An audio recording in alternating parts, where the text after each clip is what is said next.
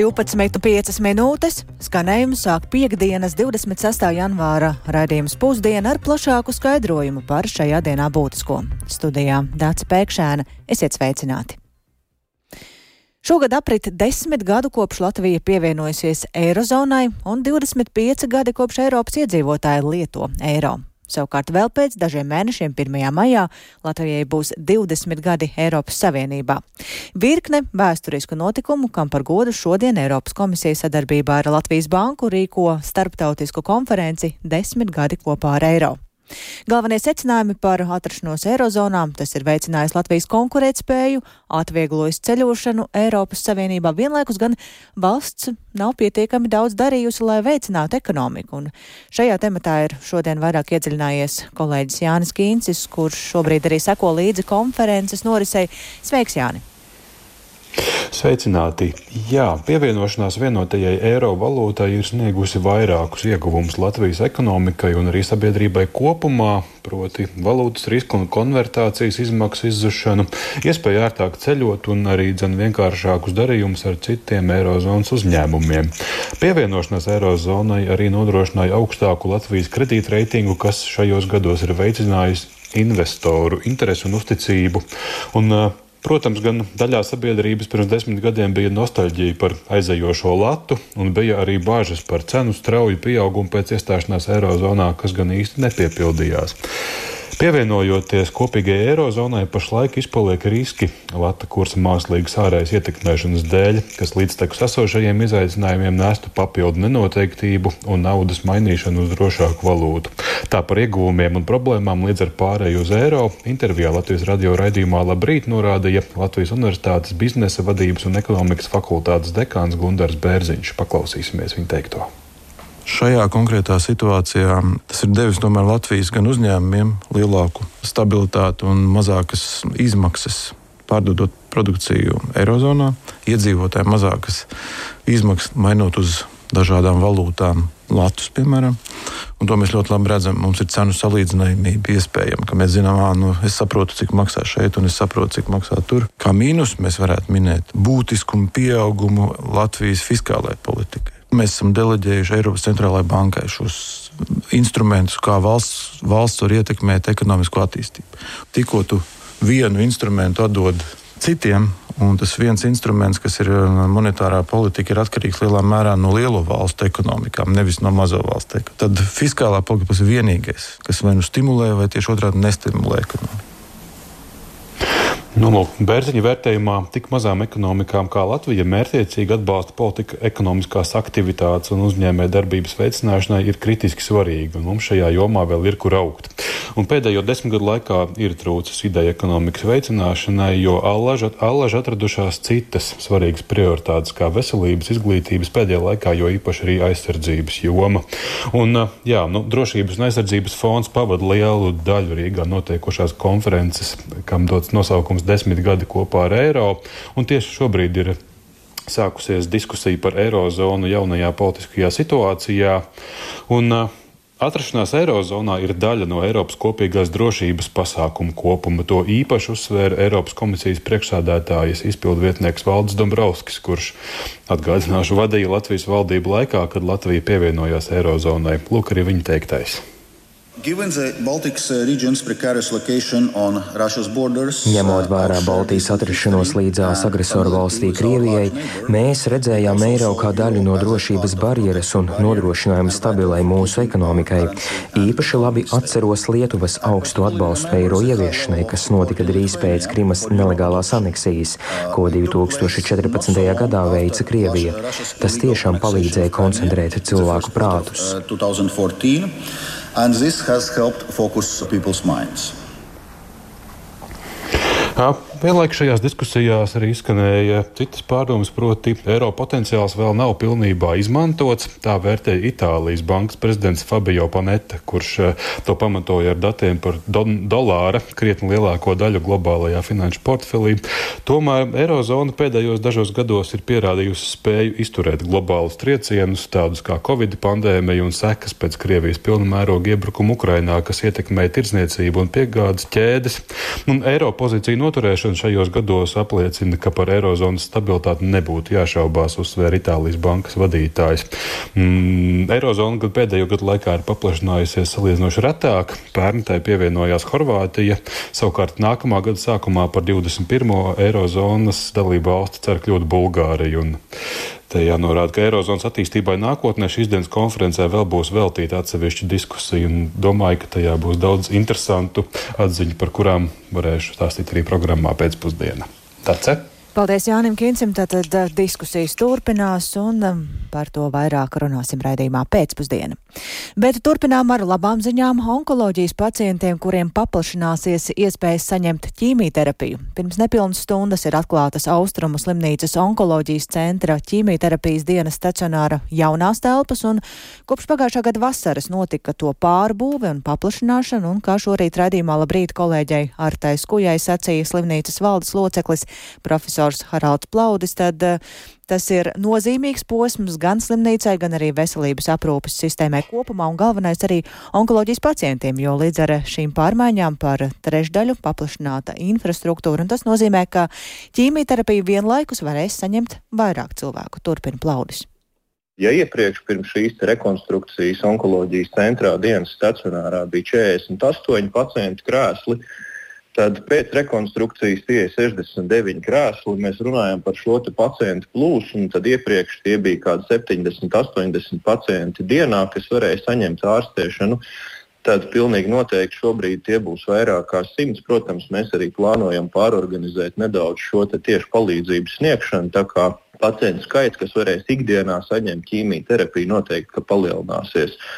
Un, protams, tā ir sakārtota infrastruktūra, jo pacientiem ir ārkārtīgi būtiski tā vide, kurā viņi atrodas, lai viņi būtu komfortabli, ērti, lai viņi patiešām nejustos, ja tā var teikt, ka viņi atrodas slimnīcā, bet tas ir pietuvināts videi, kādā varbūt viņi atrodas mājās. Runājot par mediķiem, acīm redzot, infrastruktūras uzlabošana būs svarīga arī mediķiem sniedzot šo palīdzību. Jā, protams, un jāsaka tā, ka šis ir nu, vēl viens solis pretī onkoloģijas infrastruktūras sakārtošanai visā austrumu slimnīcā, jo šī gada beigās mēs plānojam arī uzsākt Latvijas onkoloģijas centra stacionāru nodaļu atjaunošanu un paplašināt un atjaunot arī operācijas bloku un intensīvās terapijas palātas. Un, protams, ka šis viss ir arī kontekstā ar Latvijas vēža centra akreditāciju Eiropā. Un, protams, infrastruktūra ir viens no ārkārtīgi būtiskiem faktoriem, lai mēs sasniegtu Eiropas līmeni.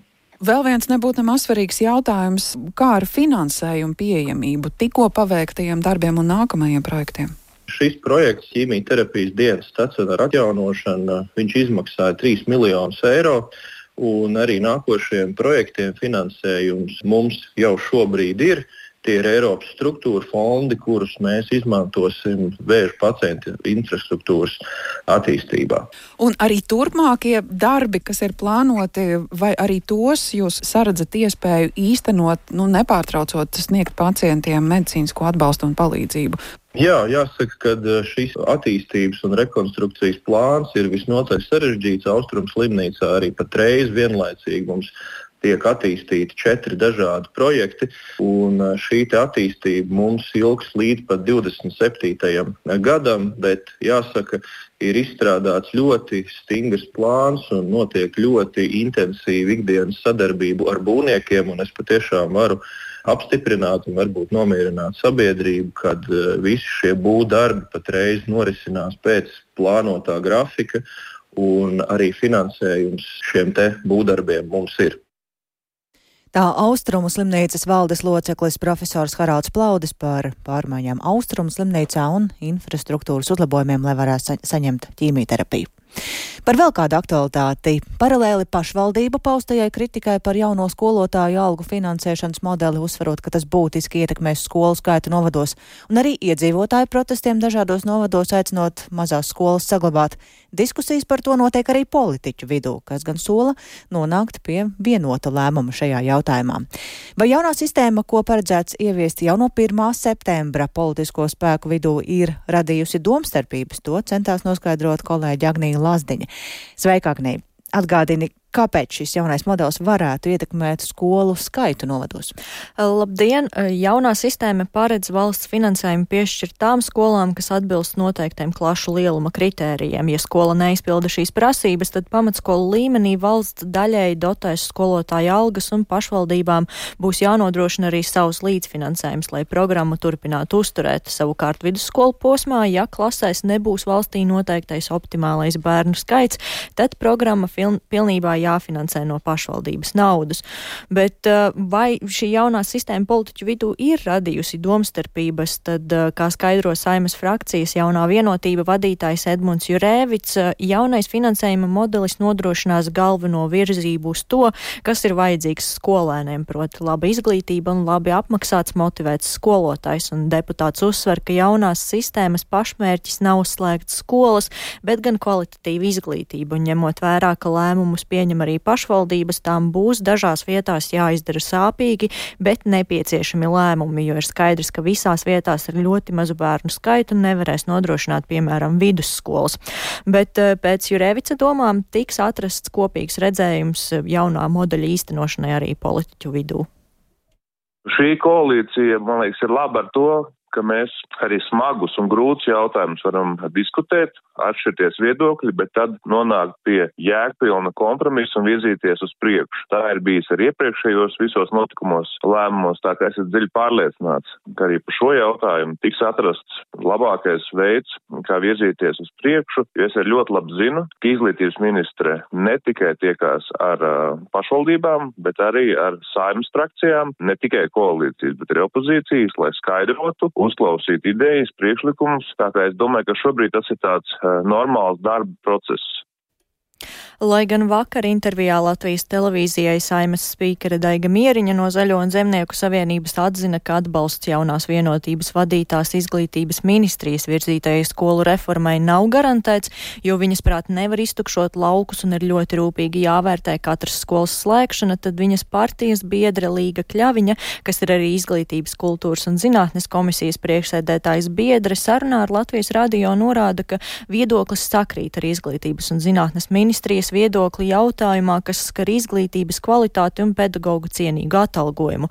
Tostarp arī komisijā par šo visu esot vienoti, taču viedokļi gan atšķiroties, vai šis jaunais finansējuma modelis nodrošinās lauku un reģionu attīstību un nosaks pamatizglītības pieejamību. Mums ir daudz labu lietu, kur mums sakrīt viedoklis neatkarīgi no politiskās partijas atrašanās koalīcijā vai opozīcijā, un to jums noteikti varētu apliecināt jebkurš deputāts saimā un arī, arī pašvaldībā, ik viens iestājās par kvalitatīvu izglītību. Tur nav divu domu, tāpat arī pedagogam ir nepieciešams tiešām cienīgs atalgojums, un, un tie mēķi, kas ir izvirzīti, ir atbalstāmi. Tā kā ir punkti, kuros mums sakrīt viedokļi, bet kas attiecās tiešām uz, uz pieejamību, tur mēs vēl turpinam sarunas. Es nedomāju, ka tas varētu būt um, apdraudējums šobrīd koalīcijas stabilitātei. Tās ir sarunas, sarunas un vēlreiz sarunas. Arī partijas progresīvie deputāte Antoņina Ņenaševa uzsver, ka pagaidām neredz, ka politiķu vidū par jauno sistēmu rastos domstarpības. Šobrīd vairāk tas varētu būt pirmais sašutums, un, lai gan tas rada zināmu politisko spriedzi, diskusijas turpināsies un kopīgi risinājumi tiks rasti. Tāpat deputāti norāda, ka dzird gan pašvaldību, gan arī iedzīvotāju bažas un arī tajā jautājumā risinājumus meklēs. Taču arī viņi atzīst, ka vairākas pašvaldības būs spiestas izdarīt noteiktas izvēles.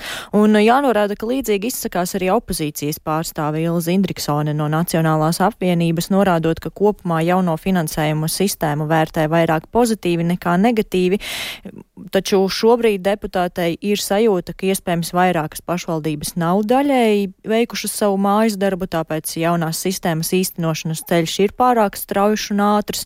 Tāpat viņa norāda, ka diskusijas koalīcijā noteikti būs un būs smagas, ir tīpaši tāpēc, ka Zaļo un Zemnieku savienība Savienība vienmēr esot aizstāvējusi lauku skolas, bet pie vienota risinājuma nonāks, iespējams pagarinot termiņu vai mīkstinot pārēju uz jauno sistēmu. Paldies Agnijai Lazdiņai runājām ar viņu par jauno skolotāju algu finansēšanas modeli un kādas diskusijas šobrīd politiķiem.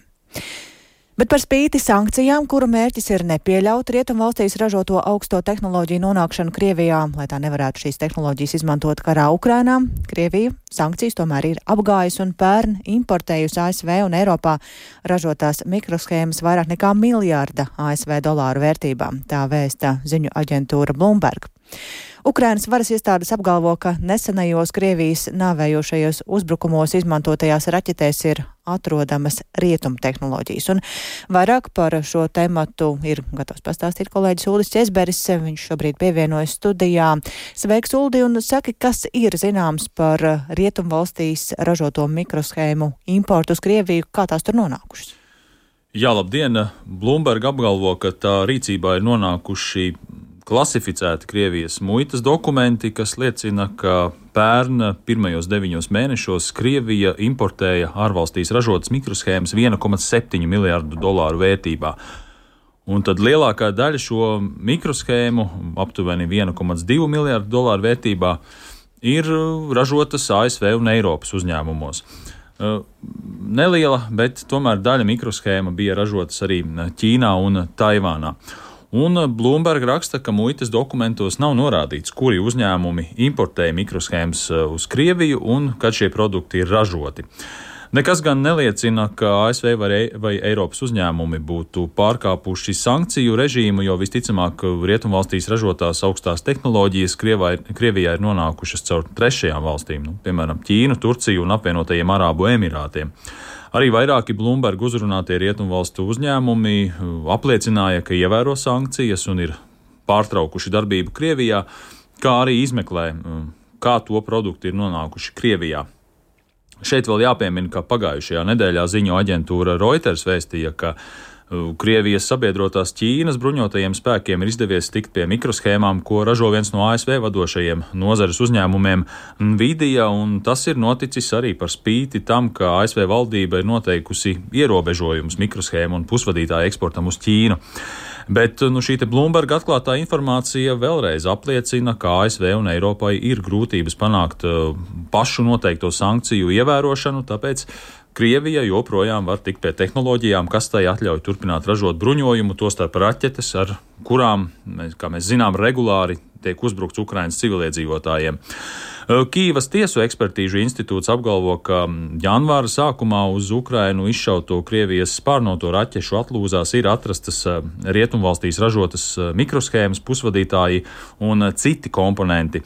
Un arī Ukrainas ārlietu ministrs Dmitro Kuleba šomēnes sacīja, ka gandrīz katrā Krievijas raķetē, ko ir notriekušas pretgaisa aizsardzības sistēmas, atrada detaļas, kas ir ražotas rietumos. Un ministrs norādīja, ka Krievija ir iemācījusies efektīvi apiet sankcijas. Varam paklausīties. Gray schemes on global markets still exist. Globālajā tirgu joprojām pastāv pelēkās schēmas, un Krievija ir izveidojusi ļoti sarežģītas piegādes ķēdes, iesaistot savus izlūkdienestus, lai nodrošinātu rezerves daļu piegādi. Tāpēc mēs pastāvīgi uzsveram nepieciešamību liekt Krievijai piekļuvi rezerves daļām, taču tas nav vienkārši, jo viņi vairumā gadījumu vienkārši atrod veidus, kā nopirkt kaut ko tirgu pieejamu un nosūtīt to uz Krieviju. Mēs nepārtraukti strādājam ar saviem partneriem, lai aiztaisītu šīs šķirbas un pastiprinātu sankcijas pret Krievijas militāro rūpniecību, lai viņi nevarētu saņemt šīs rezerves daļas no rietumiem. Jā, un noslēgumā piebildīšu, ka Eiropas Savienība pašlaik strādā pie jaunas sankciju paketes, un vairākas dalībvalstis ir mudinājušas uh, bloku darīt vairāk, lai vērstos pret trešo valstu uzņēmumiem, kuri turpina apgādāt Krieviju ar rietumu augstajām tehnoloģijām. Nu, redzēsim, kā veiksies ar šādu sankciju ieviešanu. Paldies Uldim Česberim par šo apkopojumu, bet radījumā pusdiena vēl kāds autovadītājiem ļoti būtisks temats. Sašutumu vētra par bedrēm Rīgas ielās pēdējās dienās ir pāršākusi gan sociālo tīklu platformas, gan arī medijus, un lai arī bedres, kas pēc atkušņa izveidojušās zem peļķiem nav nekas jauns, šobrīd tiešām ir ļoti daudz izdangātu ielu. Kam un kā par tām ziņot, to tūdaļ skaidrosim sarunā ar Rīgas domas ārtelpas un mobilitātes departamenta direktoru pienākumu izpildītāju Jāni Vaivodu. Labdien! Labdien! Vispirms, vai jūs piekrītat, ka situācija šobrīd ar bedrēm ir katastrofāla? Um, uz šo rītu situācija ir nedaudz uzlabojusies. Iepriekšējās divas dienas mēs tiešām saskārāmies ar šādu masveida bedru veidošanos, uh, un uh, īsti palīdzēt savādāk, kā vien labojot šīs bedres, mēs īsti nevarējām. Bet es gribētu teikt, ka tā nav šīs ziemas vai šī gada problēma, bet tā ir mērķiecīgi desmit un vairāk gadu darbības rezultātā izveidojusies situācija, kad satiksmes infrastruktūrā diemžēl nav ieguldīts pietiekami daudz līdzekļu. Tas, kas šogad īpaši parādās un par ko ir varbūt ļoti skumji, kad daļa no vietām, kur pastiprināti veidojas šīs bedres, ir tās, kur pagājušā vasarā bija plānots veikt remontdarbus, bet dēļ šiem visām peripētijām, politiskajām un, un, un centieniem atbrīvoties no, no, no atsevišķiem uh, departamenta darbiniekiem ir atstājis iespēju uz pilsētas ielu stāvokli, un, un tādēļ Jā. nebija sataisītas šīs ielas, un šobrīd tur tieši ir tās karstākie punkti, kur pastiprināti veidojas šīs Jā, nu, atbildība tas ir viens jautājums, bet šobrīd ir praktiski, ko darīt ar šīm bedrēm. Es saprotu, ka pašvaldība aicina ziņot, kā tas būtu jādara, kam, kur jāziņo. Ne, tā tad ir vairāki kanāli. Droši vien visoperatīvākais un uh, visbiežāk izmantotais kanāls ir satiksmes vadības centra informatīvais caurunis bezmaksas 8300, kur var zvanīt un pieteikt šīs bedres. Otrs no kanāliem, kas ir ļoti ātri un uh, viegli izmantojams uh, operatīvā darbībām, ir uh, šī platforma Veids, kur var atzīmēt bedres, un tad uh, departamenta kolēģi reaģē uz šīm sūdzībām. Nu, un visbeidzot, uh, var rakstīt, protams, arī ēpastus uh, uz AMD, ETRIGA, LV. Bet jānorāda, nu, ka šeit šī informācija noteikti nebūs tik operatīva kā šie divi iepriekš nosauktie kanāli. Nu, jā, man pašai izmantojot aplikāciju Veiz, tur to izsaukumu zīmīšu tiešām ir ļoti daudz. Par cik lielām bedrēm ir vērts ziņot un cik ilgā laikā var cerēt, ka konkrētā bedra tiešām tiks salabota?